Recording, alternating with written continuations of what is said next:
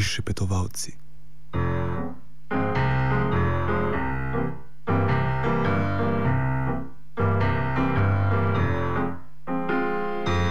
Želim živeti brez skrbi in tu jaz tiskam me ne briga. Vem, kar je treba vedeti. Življenje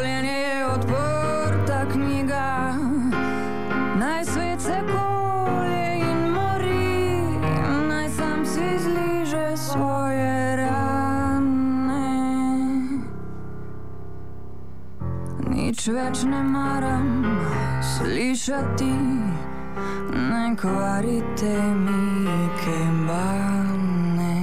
Največ je vreden mir, največ je vreden mir.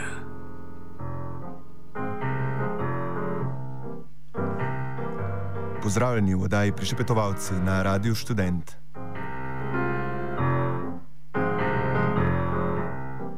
Sestanek, ki se je prejšnji teden zgodil pri predsedniku Pahorju, nam je znova pokazal, da je preživetvena inercija slovenskih političnih šefov prav neverjetna. Janši, ki v resnici neznansko uživa v sestankih, ki se mu jih kao ne da odrežiti, se vse skupaj zdi smešno. Upravičeno. Žerjav bi rad bil konstruktivna opozicija koaliciji s 30 poslanci. Igor Lukšič po sestanku sporoči, da so tisti, ki menijo, da predsedniki strank niso zmožni dogovarjanja, v veliki zmoti. Kot da bi to sploh še koga zanimalo in kot da ne bi vedel, da je njihov problem prav ta nikoli ovržena zmožnost še enkrat nasesti, se še enkrat usesti za skupno mizo in ob gnilih kompromisih še enkrat več razglašati, da je zmagal razum. Ljudmila Novak, če nadaljujemo, preprosto je. In že to je za njo velik dosežek. Enako Karler Javec, ki je in bo, a je zadovoljen z večno istim. Gregor Virant je nekoliko drugačen. On je bil, je in bo, a vendar noče ostati isti, temveč se nadeja napredka, torej napredovanja po lestvici, prestopa v prvo kategorijo. Alenka Bratušek je tam, a je nihče ne jemlje resno, ker je zgolj predsedujoča, za kar se ima zahvaliti v žaljeni veličini Zoranu Jankoviču, ki se s tricem ne pusti prepričati, da bi odstopil. In Borut Pahor, no ja. Predsednik Pahor, ki je pridno poslušal napotke Zbora za republiko in si svoj urad okrasil z dodatnimi slovenskimi in evropskimi zastavami, še vedno ne more pozabiti svojega največjega uspeha - ureditve odnosov s Hrvaško. In zato danes, ko je strankam uspelo ustvariti problem iz samoumevnosti, zato danes, ko je strankam uspelo ustvariti problem iz ratifikacije hrvaške pristopne pogodbe, ponovno meni, da bo rešitev tega zunanje političnega problema sprostila čudežne energije, ki bodo Slovenijo popeljale iz krize.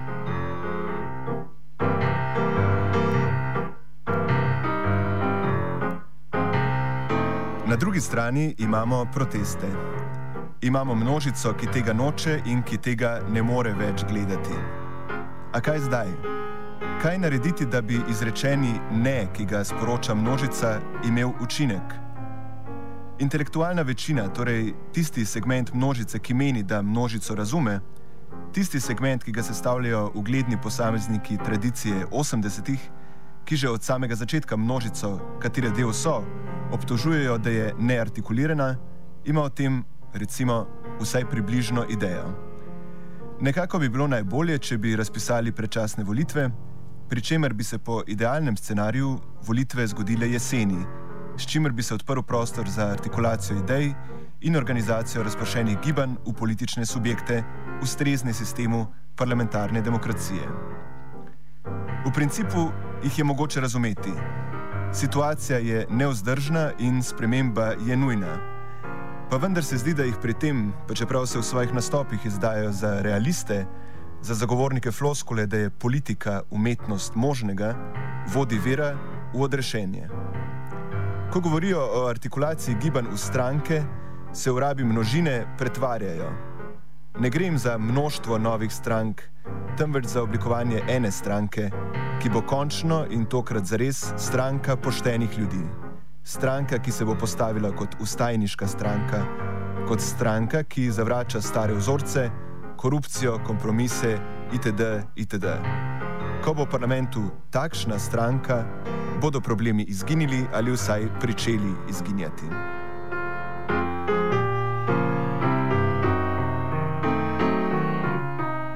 A v čem je problem? Pri oblikovanju takšne stranke je videti, še vedno sledijo gesti, ki jo je v čisti obliki demonstrirala tribuna Društva pisateljev v Cankrevem domu. Torej, gesti nekakšnega samousiljenega kompromisa.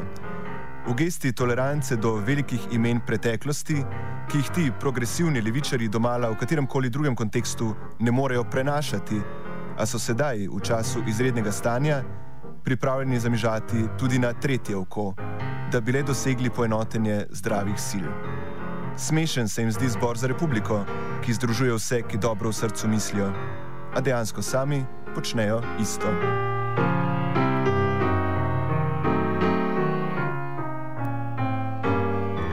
A seveda, kaj bi nam odgovorili, če bi jim to očitali? Rekli bi, da je to dan danes pač nujno.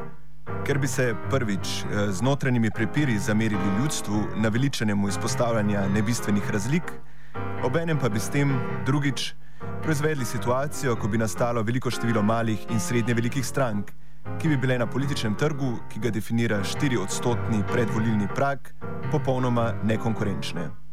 Glasovi bi se porazgubili, profitirale pa bi velike stare stranke. Kar pogledajte, bi rekli, se ne spomnite Zaresa, se ne spomnite Trsa, se ne spomnite vseh tistih strank, ki bi bile zmožne tvoriti alternativo, pa so v svojih realnih učinkih prinesle samo škodo, ker so šli glasovi za nje dobesedno v smeti.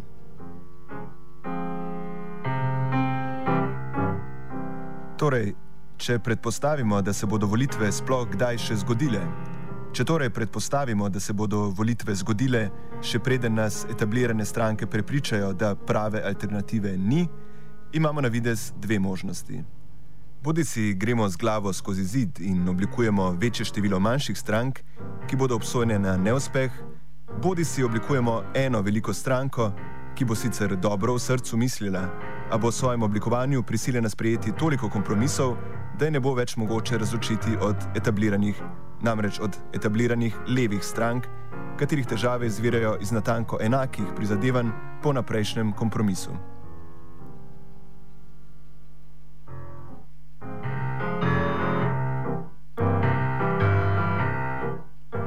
Pa vendar, morda obstaja še tretja možnost, namreč sprememba samih pogojev.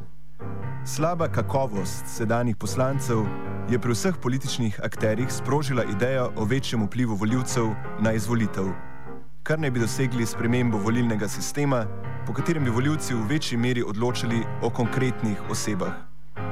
A morda bi morali razmišljati v drugi smeri niso problem stranke kot take in ne bodo nas odrešili ljudje kot taki, ki bodo še vedno vključeni v stranke, ki morajo v idejo svojega preživetja upisati 4-odstotni volivni prak.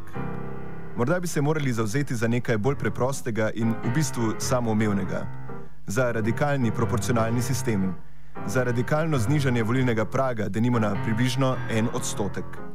Stranka, ki bi na državni ravni dosegla dober odstotek, bi v parlamentu imela enega poslanca, tista, ki bi dosegla dva odstotka, dva poslanca in tako naprej.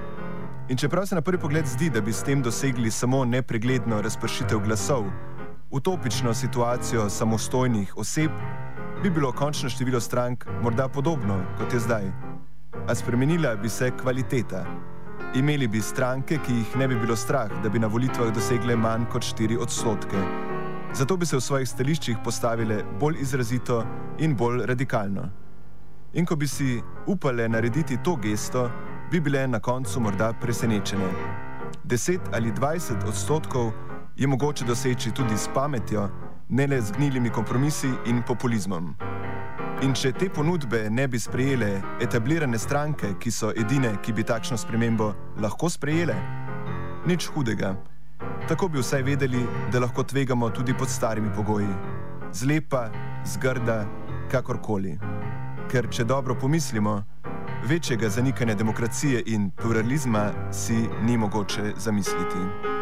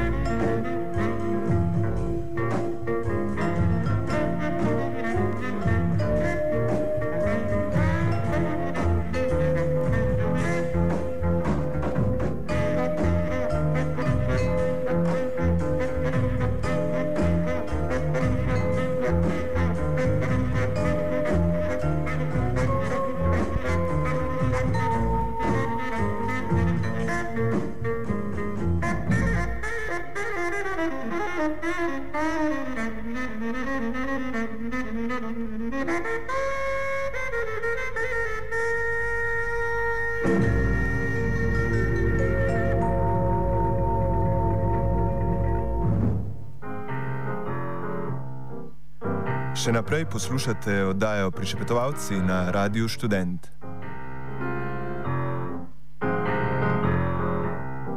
V nadaljevanju sledi rubrika Monolog. O dominaciji kulture na protestih, o navezavi na 80-ta, o miru Cererju, ki ga ne bo, o Janši kot večnem navdihu in o tem, kaj potem. In nekje vmes tudi še o ideji enostotnega praga, o kateri smo govorili pred premorom. Govori Tanja Lesničar Pučko. Mogoče, mogoče niti ni vprašanje, koliko časa lahko zdržijo. Zdaj, ko so ljudje se tako lepo navadili, celo v najhujšem mrazu hoditi na trg in poslušati koncerte za ston, eh, lahko, če se bo vreme izboljšalo, postane to redna rutina. Ne? Družine bodo prišle, pa bodo poslušale, ker v bistvu je kar dober izbor, ne včasih teh bendov. Eh, bolje vprašanje, koliko časa lahko protest drži kulturo. Koliko kakšna doza kulture še v bistvu uh, protestu ne, ne spodnaša, da rečem, um, namena ne, oziroma ciljev. Um, Tu je seveda vse to, je, to je večna dilema protestov med neko m, čim bolj miroljubno, čim bolj kultivirano in tako naprej, tudi na nek način dobro strukturirano organizacijo protesta, ki je sicer neorganizirana, ampak vidimo, da se je v resnici v teh nekaj protestih spostavila neka dramaturška struktura. Ne od tistega prvega protesta, ki smo kar tam neki ždel na trgu, se je bolj pokazalo, da neki mora, neki mora biti. Ne? In zdaj ta povorka je dala nek, kot se reče, nek, neka režija se je vzpostavila spontano. No? In uh, tudi te koncerti so kul cool in vsi smo jih pozdravljali, in je v redu, da ljudje na nek način imajo kaj početi, ker če ne bi hitro mogoče šli domov. Ali kaj. Ampak po drugi strani je pa res ta kulturalizacija, ne, to kulturno obnašanje v bistvu v samem nasprotju z, z tem, kar nam pač počne oblast, ki pač ni kulturna, da ne rečem, da je antikulturna, ki je, ki je vulgarna, ki je nasilna ne, v svojih intencah in v svojih ravnanjih, ne še fizično nasilna, ampak to mogoče še pride. Uh, tako da je dejansko dilema, kako dolgo lahko ti na lep način nekomu dopoveduješ, kaj hočeš. Kako, mislim, se mi zdi, da so se že vsi navadili. Tudi reakcija prav vlade je taka. Na začetku je dosti spoštljivo, v bistvu še bilo obravnavano ne, te protesti. Skušalo je nekako se manipulirati bolj to kaj jih je sprožilo, ne mi, ampak oni, prejšnji. Potem, seveda, ko so se jih navadili, ko smo se mi vsi navadili tam lepo bivakirati, je se dejansko dikcija spremenila. Ne? Do tega, da do zombijo in zdaj s tem levim fašizmom, v bistvu kot čist neki um, eksces, neke urejene družbe, ki ga je pač treba omejiti. Um, tako da jaz sem zadnjič tudi v komentarju v bistvu zapisala, kaj zdaj ta kultura pravzaprav misli narediti. Ne? Okay, recimo, da je zdaj ta dominantna kulturna linija, da je dobra, ker se je prijela. Ampak naj ta kultura, predvsem umetniki, tle vendarle pokaže malo domišljije. Ne? Naj vendarle umetnost v, z, najde to svojo, da rečem, subverzivno moč, ne? naj nas presenetijo. Zaradi tega, to, da nam mislim, da je 60-letnim gospodom v tistem programu všeč, bi mene kot umetnico zelo zaskrbelo. To pomeni, da sem dejansko tako rekoč zapadla v tiste generacije, ki, ki, ki v bistvu to ni njihov boj. No? Je, ampak to je predvsem boj najmlajše generacije, ne? ker za njihovo usodo gre veliko bolj kot za našo. No? Kaj pa misliš o tem, da o, o tej, uh, o poskusih, ne vem kako rekel, da bi se protesti odvili po nekem po nekem starem zgledu protestov iz 80-ih. Kaj misliš tej navezavi na 80-ih? Meni je to katastrofa. Meni se to zdi, da, da, da je dejansko in to, kar sem slišala na radiju študentov teh mladih uh, socialnih delov, pa kaj to je dejansko na nek način ugrabitev protestov. Mislim, protesti so. V, Mislim, vsa ta ustaja je v bistvu zanimiva samo toliko, koliko je v resnici to ta najširši pluralizem zajet, se pravi generacijsko, izobrazbeno, da rečem tudi statusno in tako naprej. V toliko ima seveda vso legitimnost in uh, dejansko tudi moč. Ko pa si jo ugrabi Društvo pisateljev Slovenije, mislim, z, z dikcijo, ki je absolutno presežena. Mislim, da ne rečem, da je njihova dikcija bila že v 80-ih presežena in to rečem jaz pač z pozicije tega, da sem jaz v 80-ih bila stara med 20 in 30, oni pa so bili že med 50 in 60. Ne? Se pravi, da so bili že tako starikavi do konca. Mene je nevrjetno, kako se v bistvu potvarja to zgodovino 80-ih. Nova revija je bila takrat usmrjena ustanova. Mislim. Mi smo se z njih delali tako norca, kot se danes delajo norca iz njih, te mladi. Mislim, kaj za Boga sem smela z, z, z nacionalno dikcijo, mislim, v leta 82, pa koga je zanimalo nacionalna biti? Mislim, zanimalo nas je to, če bom lahko dobila ploščo. Mislim, v, v Ljubljani je morala še vedno v grad steči. No? Mislim, to me je zanimalo. Mislim, zanimalo me je dejansko ta kozmopolitizem, ki ga je pač Jugoslavija takrat lahko dobro poznala, ker smo imeli pač te potne liste, ki smo lahko šli kamor, kamor smo hoteli. Ampak to, kar so oni govorili, je bilo že takrat zastarelo. Za, za, za Zastarelo je bilo zato, da rečem alternativno populacijo, ki se je fučkal za nacionalne e, ideje, mislim, ki so hoteli v resnici denacionalizirati Slovenijo, ne pa nacionalizirati. In ta ista generacija, ki je potem za nekaj časa prevzela tudi oblast, ne, se vemo, da je demos se napajal ne, iz, te, iz te nacionalne, tudi velikrat nacionalistične logike. Ne, In uh, ta demosova oblast je seveda tudi tista, ki je nacionalizem prignala do, do skrajnosti z izbrisanimi. Ne. To je, mislim, res bila njihova uh, dediščina in je dejansko ni na ključe, da se je to pod demosom dejansko tudi zgodilo. Um, To je bilo, že, kot rečeno, že v 80-ih mimo. Če pa vzamem model, ki je pa v 80-ih dejansko imel, da rečem, subverzivno moč in to je bila dejansko ta kultura mladih, uh, je pa za današnji čas ravno neuporaben. To je neuporabno. Mi smo bili na, na krilih uh, naivne vere, da bomo to vse tako razgonili, da so itak adijo in da mislim, da bo vse drugače. Ne? Mi smo veliko bolj naivno v resnici, seveda, verjeli v možnost sprememb, kot so te, da rečem, novorevijaši in ta krok, ki je pa ustavo pisan in tako naprej. Skratka, ne eno, ne drugo danes nima kaj početi. To je dobro samo kot izkušnja, kot, eh, kot zgodovina. No? Drugače pa to ni odgovor na to, kar se zdaj dogaja. Absolutno ne. In kaj pa misliš, recimo, na, na, to, na ta argument, ki je v smislu, oni so zdaj tukaj, pač tisti iz ostalih, tukaj zato, da mi ne ponavljamo njihovih napak? Ma ja, to je tako, kot ti mama reče. Um, ne id s tem fantom, jaz sem imela tudi slabe izkušnje, mislim, z enim drugim.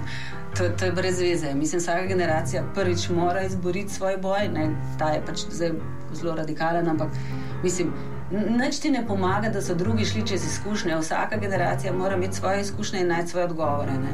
In odgovore mora najti dejansko tista generacija, ki je najbolj involvirana. In zato pravim, da je bil odgovor 80-ih, ni bil odgovor nove revije pravi odgovor. Pravi odgovor je bil od teh alternativcev. Danes, seveda, pravi odgovor, da dejansko spet jaz mislim, da je to populacija tam do 30-35, oni ne dajo odgovore, ki bodo relevantni za, za, za, za prihodnost. Mislim, seveda mi lahko povemo, kako je bilo, lahko se celo dobro zabavamo, kako smo se fajn imeli. Ne? Ampak to je, ja, to je zato, da malo klepetamo, kako je bilo, ne pa zato, da bi zdaj ta recept kakorkoli lahko apliciral na danes. Ne mogoče. Meni je žal vsega, kar se ne zgodi, da bi se dejansko začel postopek za izredne volitve. Vse. Če bi Miro Cerar prinesel, um, mislim, če bi skratka, se te gumbci tam um, uskladili glede njega, ok, mislim, ni, kot se reče, ni uh, okužen bil z nobenimi. Uh, kolikor jaz vem, vsaj z nobenimi hudimi napakami, je nekako, kako bi rekla, neutralen, je ne strankarski in tako naprej, je pravnik. Mislim, da zdaj pač tisto, kar je govoril, je bila sicer ta pravniška dikcija, malo je dosaden v tem, ampak. V bistvu mogoče pa celo rabimo nekaj dosadnega, ki enkrat se drži zakona in spoštuje neke rituale. Če bi on pripeljal do, mislim, do volitev, bi meni bila to sprejemljiva rešitev. Sam naj bo kar koli, naj bo hiter. Ker če ne, lahko dejansko imamo tako vlado, ne, mislim, do konca mandata, kar je pa verjetno res samo mor Slovenije. Pa misliš, da jo bomo imeli do konca mandata? Jaz mislim, da ne. Jaz mislim, da ne. To so seveda črnoglede napovedi, da se bodo ti tok časa kregali, da bo med tem enostavno spet ne, po tej, kako se ljudje postopoma navadijo ne, in potem bo kar nekako logično, da oni pač ne tudi ta jašov cinizem, ker se, se ne morete zmeniti. Jaz sem tu rešitelj, ker ste vi dejansko tako nesposobni karkoli narediti, da da jaz tako rekoč rešujem barko. Jaz mislim, da ne, tudi zaradi protestov. Ne. Ker mislim, da ljudje ne bodo odnehali. Ne. Mislim, to, da, se, da zdaj smo imeli ta, ta dvopolarni dan, ki so, so pač univerzniki tam mahali za stavcami. Pa, pa na drugi strani um, stajniki, to se ne bo ponovilo. Jaz mislim, da so oni izčrpali in avtobuse svoje, in svoje ideološke zaloge, in um, svoje zmožnosti um, plesanja polke. No. Mislim, da bodo dejansko tisti, ki bodo ustrajali, bodo vstajniki in tukaj bo pa res zdaj. Na njih, da v bistvu povejo, da ne, ne nismo, nismo, nismo celo zimo mrzlih kulturnih programov gledali, da, zato, da bi zdaj gledali še tople kulturne programe. Ne, dosti je, mislim, dosti.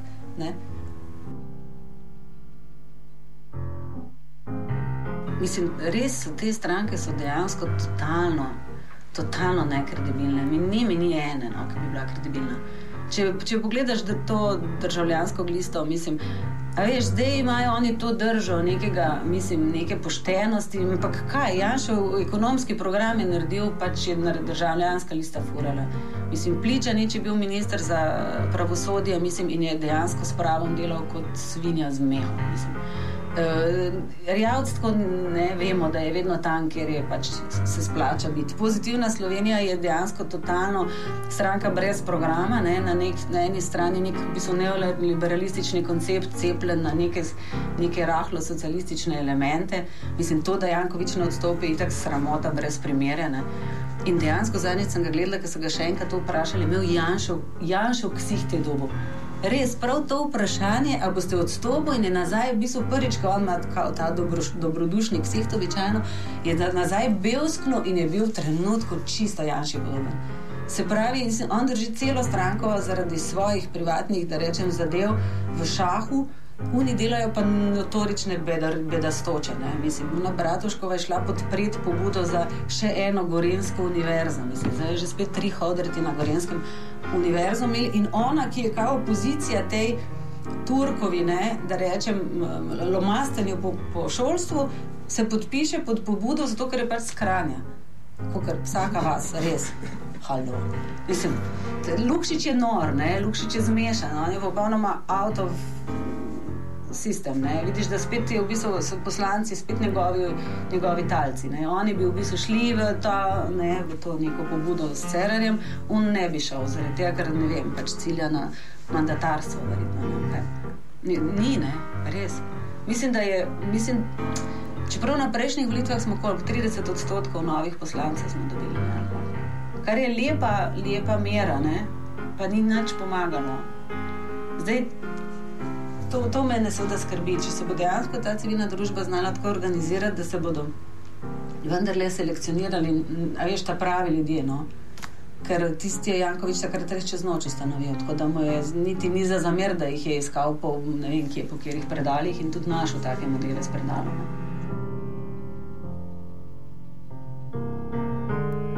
Ja, problem je že samo v tem, ne, ali sploh iz stranke ali ne, ne ali ustanavlja stranke ali ne. Seveda, v bistvu bazično je protest naperjen zoper eh, reprezentativno demokracijo, ki se je pač pokazala kot neučinkovita in podvržena dejansko manipulaciji. Ne. Zdaj, velika, velik eh, stajnikov sploh ne verjame v to reprezentativno funkcijo več. Se pravi, tukaj imamo res že prvo teoretsko vprašanje, kaj je na mesto tega. No, Zadnjič je Stefančič v mladini napisal, da če se stranke ne ustanovijo, taki upori ponavadi propadejo. Ne? ne glede na to, kaj si mi osebno mislimo o zastopniški demokraciji, boljšega, verjetno boljšega modela zaenkrat ni izvajanje neposredne demokracije, ne vem, kako bi se to lahko izvajalo. No. Nimamo dobrega modela ali pa enega zgodovinskega primera, dobrega za orang države z, z vsemi inštitucijami, kjer bi to funkcioniralo. Se pravi, če pristanemo na to, da so stranke sicer slaba, slaba rešitev, ampak nimamo boljše. Je pa potem to, kar ti sprašuješ, ali se morajo konsolidirati in dejansko zakriti razlike in iti kot skupna fronta ne vem, ustajniška stranka v parlament. Pa nastopati v bistvu kot nek pol, kar bi sicer bilo, bilo tudi nevarno, ker bi se, po mojem, ostali konsolidirani na drugi pol. Ne? In bi imeli v bistvu to ameriško situacijo, ko imaš samo desno, levo, ne? Mislim, ne glede na to, kako bi to. Ali pa že, na, že v, v, vstopiti z več strankami, skratka, že, kot se reče, profilirati različne profile, kar pa seveda je vprašanje, kakšno moč bi pa imeli v parlamentu, če jih ne bi te večje, močnejše, starejše stranke, ki imajo seveda ta know-how. Povozle, Tukaj jaz ne vem pravega odgovora. Bojim se, da če bi se konsolidirali in zakli, zakrili razlike, da bi te razlike potem ven prišle tam, na delo, Jaz se glih to mislim, ne, da, bi, da bi mogoče bila, bila prava pot več stran, Strank, ja. pa pač predvolilna koalicija, skratka, da imaš. Da imaš karte vse odprte, ja. ne, delam, ne delimo se, da ni razlik. Skratka, ja, razlike so, ja. ampak bomo pa videli, kako bomo ja. Kako bomo s tem handlali? Ja. Ker to se bo moralo, mislim, en korak bo še potreben, mislim, kako rekel, da bi se tle.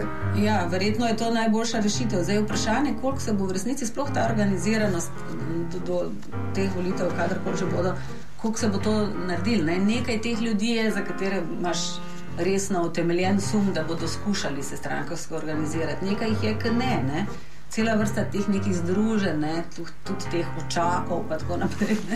Veš, te gotovo ne bodo, ne bodo se strankarsko organizirali, ampak bodo bolj sateliti kakih strank. Ne? Zdaj, ne vem, mislim, kot rečeno, kakšne bodo pol razlike, pa kje se bo pol začel boj, pa kje bo komu pol udarilo ven. Ne? Politične ambicije, ne pa, da rečem, družbene ambicije, pa za počakati. Ne. Kot rečeno, dve nove stranke, ki zdaj tako dosti usodno krojita, ne, se reče parlament, ne, pozitivna Slovenija ne, z, glaso, številom glasov, pa ta državljanska lista z tem vplivom, ki ga je pač imela v vladi na politiko. Ne, sta v bistvu nastale dosti na hitro in čez noč in sta danes v bistvu ključne stranke za dogajanje. Ne. Kot rečeno, če se ne bi takrat sprle, Janša, Janša mi ne bi imel, ne? mislim, Janša že prejšnjih volitev ni dobil. Skratka, če na teh volitvah dobiš še manj, in to seveda se bo zgodilo, eh, potem v bistvu ne bo več pomemben igralec. Potem bo vprašanje res to, kako se bodo ti ostali mm, razporedili. Eh, tako da Jaz ne vidim skratka, druge poti, kot da se dejansko mislim, organizirajo znotraj ostajnikov nove stranke. In jaz mislim, da imajo te stranke vso, vso šanso, da pridejo v parlament z lep, lepim odstotkom glasov.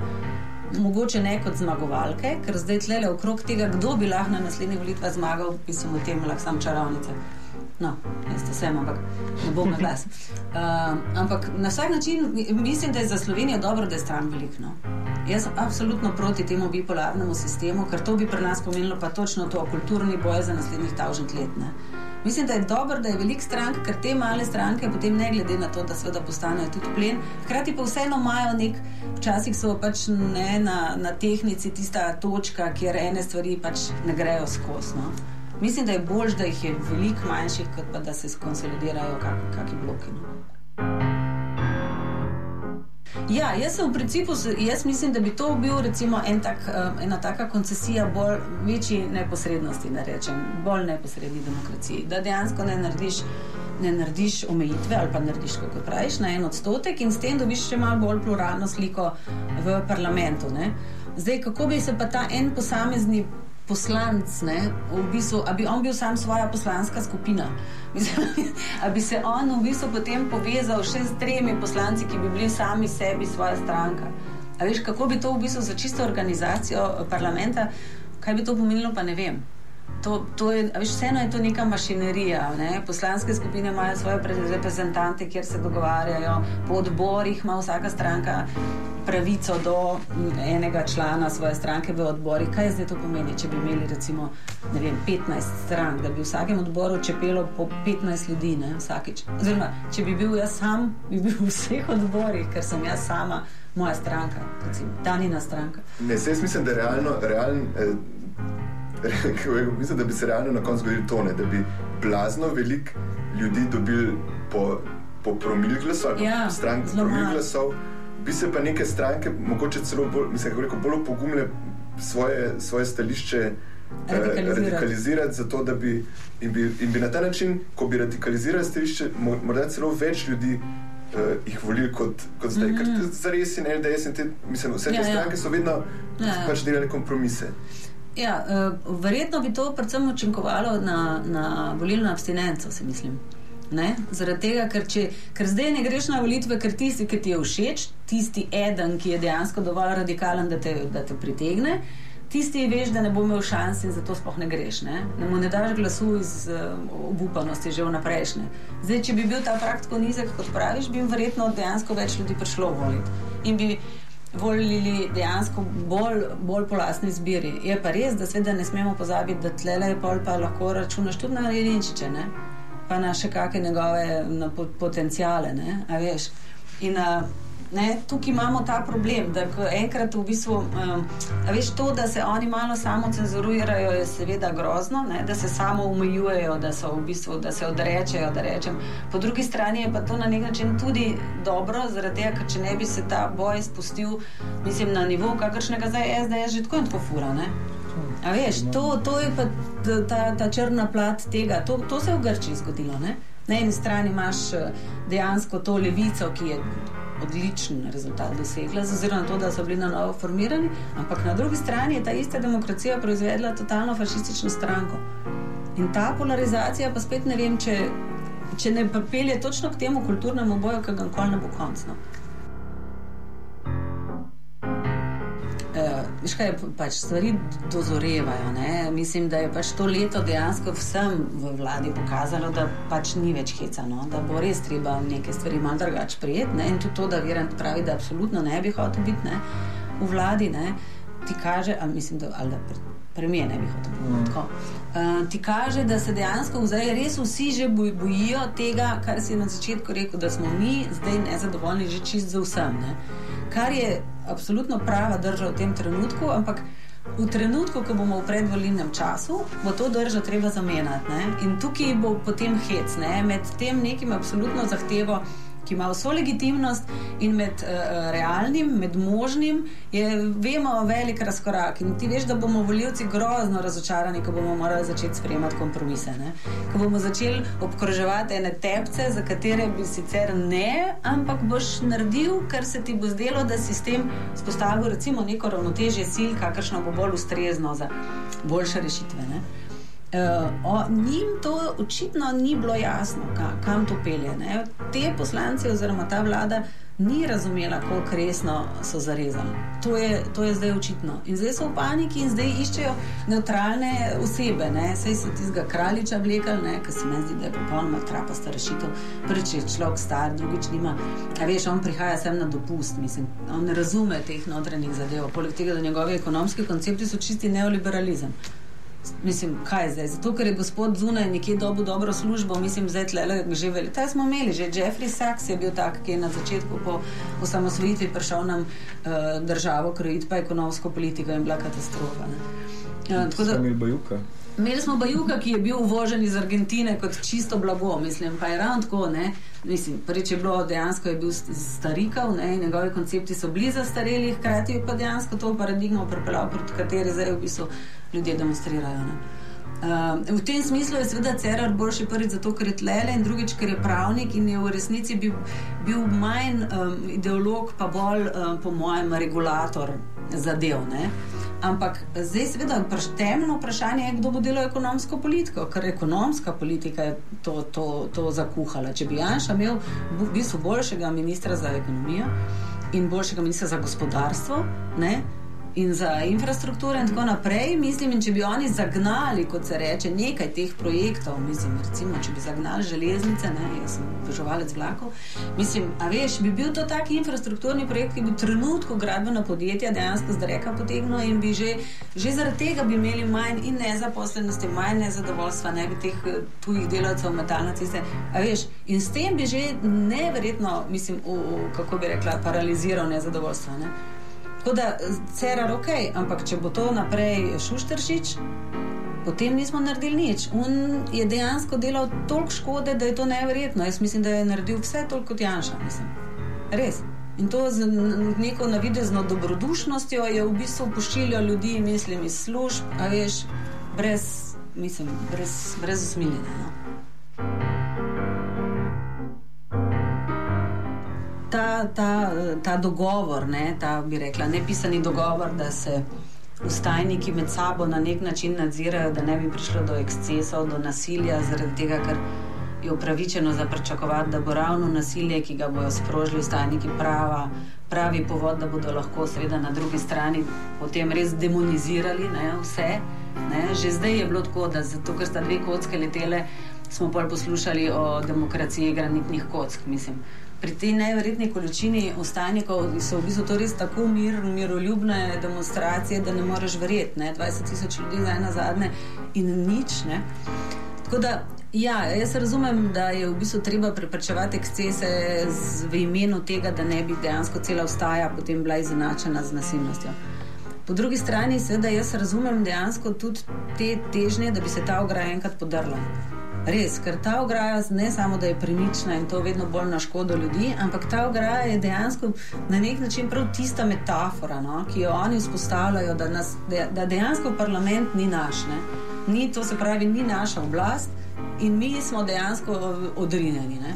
Zato se mi zdi, v bistvu, ne glede na to, da, seveda, da bi podrtje te ograje pomenilo nasilje. Ne? Mislim, prvo bi se ograja podrla, potem pa, tako kot se je zdaj zgodilo, na zadnje sem pravzaprav stala, ne? so takoj policaji seveda uporabljali tiste vzivce in tako je en fan zajokal od tistih.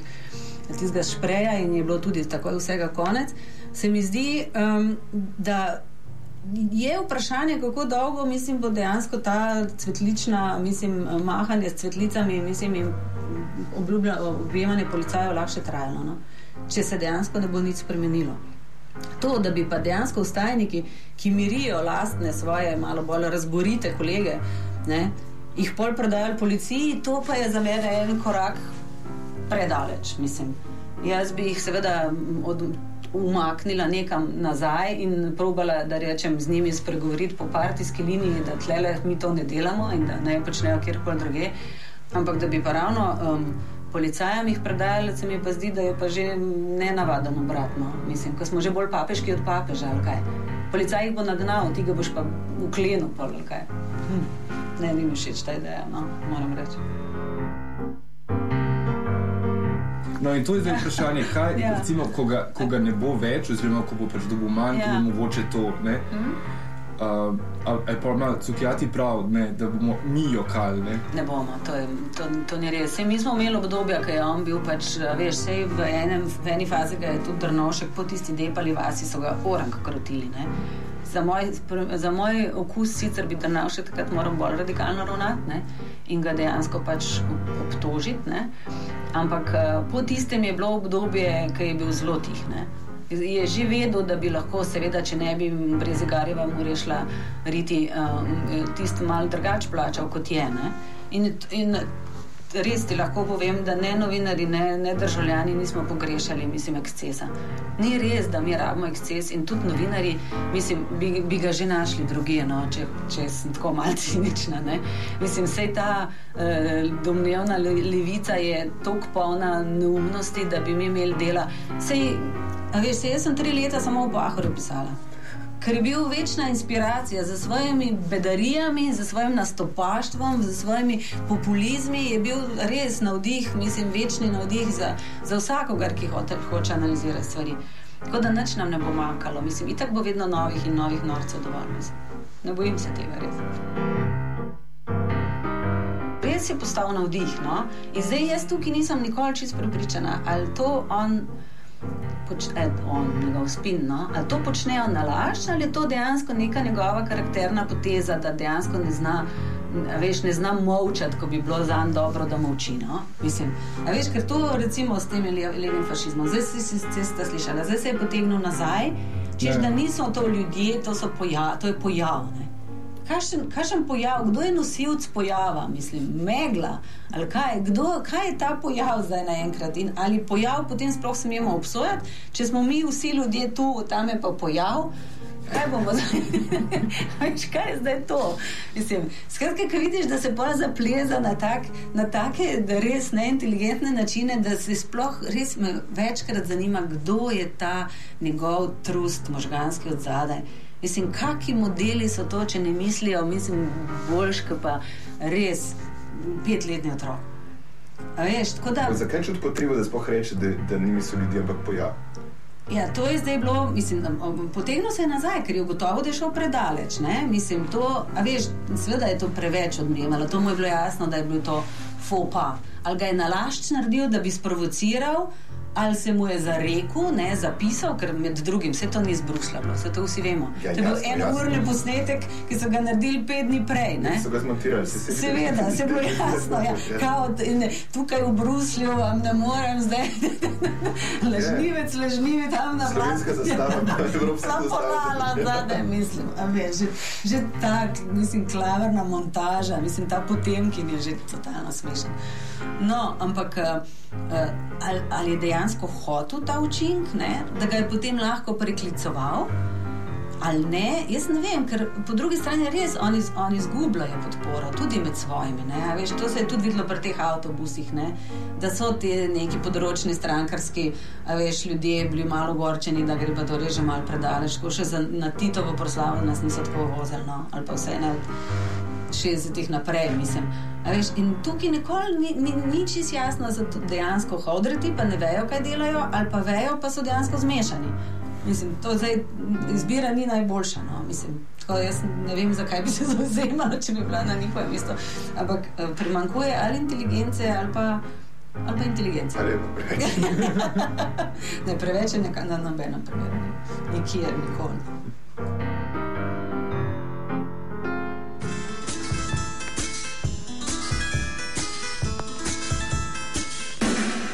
Baby's gone. and she left me all alone. Yes, I'm so sad and blue. I got to erase it from my mind and replace her in my heart. In my heart.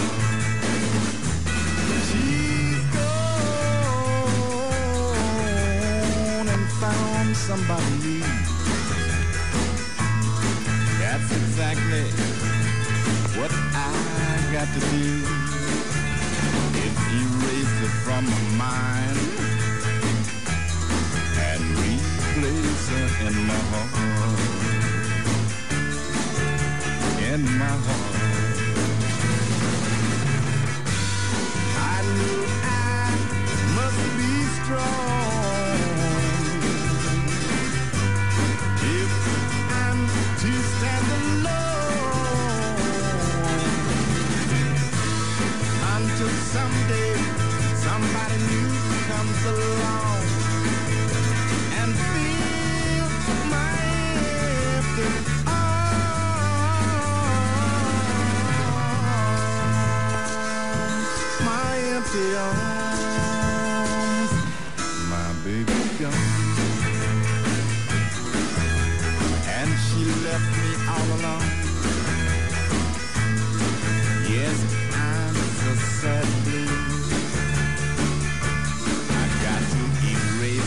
from my mind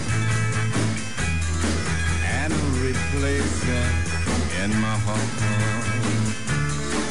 in my heart.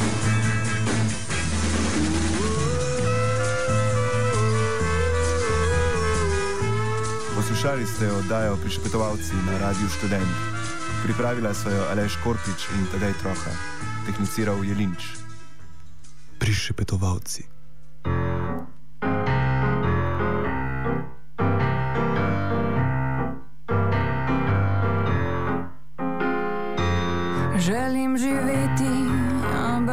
Skrbi in tu jaz stiska me ne briga. Vem, kar je treba vedeti. Življenje je odprta knjiga, naj svet se kolje in mori, naj sam si zliže svoje rane. Nič več ne maram slišati, ne kvarite mi kembane. Največ je vreden mir, največ je vreden mir.